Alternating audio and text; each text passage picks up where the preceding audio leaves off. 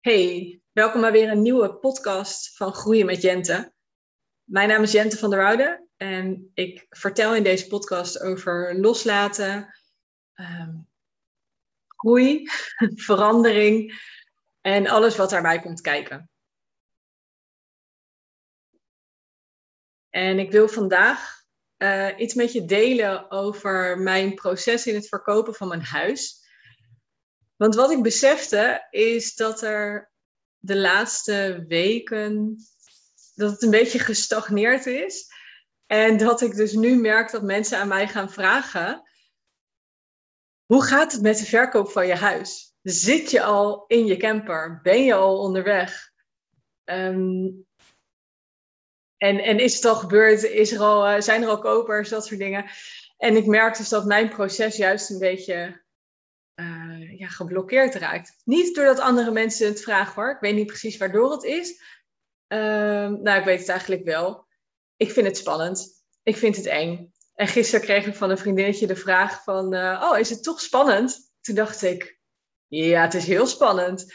En blijkbaar heb ik hier niet echt eerder op deze manier over gedeeld. Het is super spannend. En um, ik besefte dat ik me eerder altijd heb laten tegenhouden door zo'n angst, door iets wat ik spannend vind. En dat ik dus nu ook weer een beetje die neiging heb om dan dus te denken, oh laat maar zitten. en uh, laat maar, het is niet zo erg, uh, ik blijf nog wel eventjes hier in dit huis. Uh, weet je, hoe erg is het nou? Het is een heel fijn huis, ik voel me hier oké. Er is niks aan de hand waardoor ik moet verkopen, behalve dat mijn intuïtie al eigenlijk al een jaar of twee roept: verkoop dat huis. je moet hier weg. Niet omdat het geen fijn huis is, maar gewoon omdat er iets anders voor mij te doen is. Ik, heb geen idee wat dan precies. Dat ga ik vanzelf ontdekken. En in de afgelopen twee jaar, en misschien is het al wel langer zelfs, heb ik steeds dat onderdrukt, dat gevoel. Want het is spannend en ik weet niet wat er hierna op mijn pad gaat komen. Ik weet niet wat er gaat gebeuren. Dus ik heb me daar steeds in laten tegenhouden. Omdat, ja, het was eigenlijk wel lekker zo veilig als het was. En wat ik dus nu heel erg merk is dat ik uh, um, het dus lastig vind om, om in beweging te komen. En in beweging te blijven eigenlijk. En, en ik merk dat ik een soort van, als een soort steen. Je hebt de fight, flight, freeze reactie. Ik ga altijd in de freeze. Als ik iets spannend vind of als ik niet weet hoe het moet, dan bevries ik. En dan, dan val ik stil en dan weet ik niet wat ik moet doen. En dan ga ik op de bank zitten en dan ga ik series kijken. Dat is echt mijn go-to als ik, als ik in paniek raak. En wat ik dus nu voor mezelf aan acties heb bedacht, is in beweging blijven. En dat doe ik de afgelopen weken wel, maar minder dan je misschien eerder hebt gezien. Dat waren een soort van extreme jumps. En um, de beweging die ik nu maak is, ik moet elke dag van mezelf iets opruimen, iets wegzetten om weg te geven. Een kast leegruimen, een la leegruimen. Gisteren heb ik bijvoorbeeld een la leeggeruimd met, ik denk wel 400 kaartjes. Ik heb ook nog 400 euro gevonden in die la. ik ben zo'n verzamelaar en, en ik stop dat in hoekjes, zodat ik er later nog wat aan heb. Nou, leuk, bedankt. Uh, Fast Me. Ik heb 400 euro gevonden gisteren, super. En, um, uh, maar die la die is nu leeg. De kaartjes die liggen nu op de kast, want daar mag ik nog even een foto van maken voordat ik ze weggooi. Maar echt zoveel verjaardagskaarten, geboortekaartjes, trouwkaartjes, alles door elkaar. Um, en, um, maar die la die is dus leeg. Daarna komt een kastje. Ik heb, gisteren heb ik mijn uh, kinderspullen, die had ik eerder al uit een kast gehaald en beneden, in de gang gezet. Die heb ik gisteren beneden gezet, zodat ze weg mogen. Alles wat bij de voordeur staat, is voor mij, dat mag weg. Dat gaat naar mensen toe, dat gaat naar de kringloop. Uh, ik verkoop het, maakt niet uit. Sorry. En door dus in beweging te blijven, ook al zijn het maar mini-stapjes, soms denk ik na een dag, denk ik, ach man, was dat het enige wat je kon doen? Maar is beter dan niks, toch? Als ik geen kastje had uitgeruimd, dan zit ik over drie weken nog met dezelfde spullen. Dus ja, beweging, een beetje beweging is beter dan geen beweging. en uh, wat ik verder heb gedaan, is ik heb gisteren de makelaar gemaild. Nee, vanochtend heb ik de makelaar gemaild om te vragen of we een, um, een tijdsplanning kunnen maken. De vorige keer namelijk dat ik iets externs moest doen voor mijn huis, kwam de fotograaf hier om foto's te maken. Toen heb ik in één dag, in 13 uur, achter elkaar doorgewerkt met hulp. Heb ik mijn huis aan kant gemaakt. Heb ik gezorgd dat het foto klaar was. Dus het kan wel. Ik zit nu alleen het gewoon uit te stellen. Nergens voor nodig. Dus wat ik nodig heb, is iemand van buiten, een externe partij, die mij hierbij helpt. En het voelt voor mij heel kinderachtig om iemand van buiten in te moeten schakelen. Om iets voor elkaar te krijgen wat, wat gewoon mijn taak is, zeg maar. Maar ja, ik werk nou eenmaal goed met externe deadlines. Dat weet ik van mezelf. dat ik er veel aan heb als de buitenwereld mij ergens bij helpt.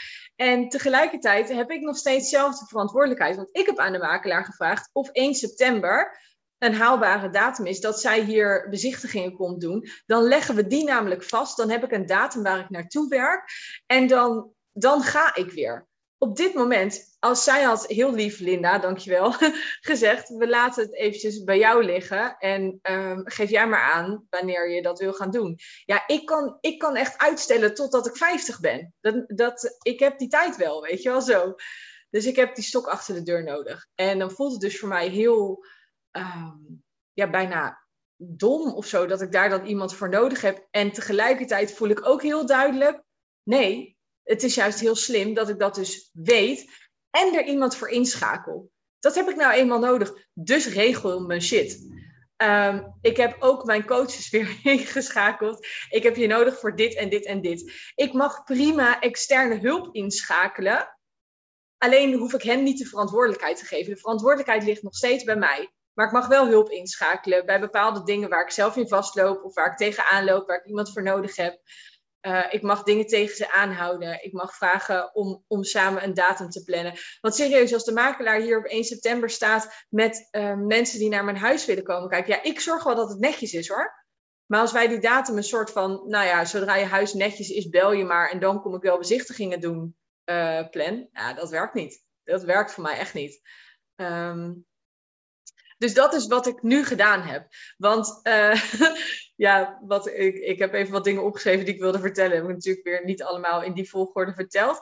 Um, maar wat bijvoorbeeld in dit huis, in het verkopen van mijn huis, wat me tegenhoudt, is het invullen van eindeloos veel vragenlijsten. En ik moet feitjes opzoeken en dingetjes checken. En dat is gewoon niet mijn ding maakt eigenlijk niet uit wat de beloning is, zeg maar. Maar het is ik vind het gewoon saai. Ik wil het liefst dat iemand anders het voor me doet, omdat echt mijn hele energie loopt daarop leeg. Maar ik weet ook wat de beloning gaat zijn, namelijk dat mijn huis verkocht is. Blijkbaar is die beloning niet groot genoeg om die saaie vragenlijsten uh, in te gaan vullen. Of misschien is het nog wel meer, de beloning is nog niet concreet genoeg op dit moment. Want ja, dan is over een paar maanden dat huis verkocht. Nou ja, als het twee weken later verkocht is, who cares? Maar dat schuift dus steeds een beetje op. Um, en wat ik dan belangrijk vind om even te checken voor jezelf, is wat heb jij nodig? Heb jij het nodig dat iemand van buitenaf met jou meekijkt in jouw proces om te kijken, oh, wat heb je nodig? Of heb jij een stok achter de deur nodig? Heb jij het nodig dat je af en toe eventjes met iemand kunt kletsen en een ander perspectief kunt bekijken? Heb je het nodig dat je een klankbord hebt. Er kan zoveel zijn waar je een ander bij kunt gebruiken. En heel vaak, en dat herken ik dus heel erg van mezelf, heel vaak hebben wij de neiging om te denken: nee, ik moet het zelf doen, ik heb niemand nodig, ik wil het allemaal alleen. Uh, of juist heel erg aan de ander te gaan hangen. Dus um, je dan volledig afhankelijk te maken van de ander. Daar ben ik ook heel goed in overigens. Ik wil het allemaal heel graag zelf doen, maar ja, soms dan, dan struikel ik in, in het andere patroon en dan denk ik, oh, ik wil eigenlijk dat de ander alles voor mij regelt. Maar kijk voor jezelf wat jij daarin nodig hebt en regel dat voor jezelf. Um, op die manier kun je voor jezelf zorgen en daar ga je zoveel extra waarde uithalen. Nou goed, uh, ik ga verder met opruimen en straks naar mijn eigen coach toe. Dus ik wens je een hele fijne dag. Oh ja, en mocht je bij uh, wat je net allemaal opnoemde hulp van mij nodig hebben, ik heb een cursus loslaten. Uh, hij staat nu nog onder Let It Go, maar daar komt een andere titel aan. Maar goed, work in progress. En daarnaast begeleid ik ook mensen in het proces um, van onderzoeken wat je nou eigenlijk wil, wie je bent en wat je daarbij nodig hebt. Dus mocht je daar hulp bij nodig hebben, let me know. Doei!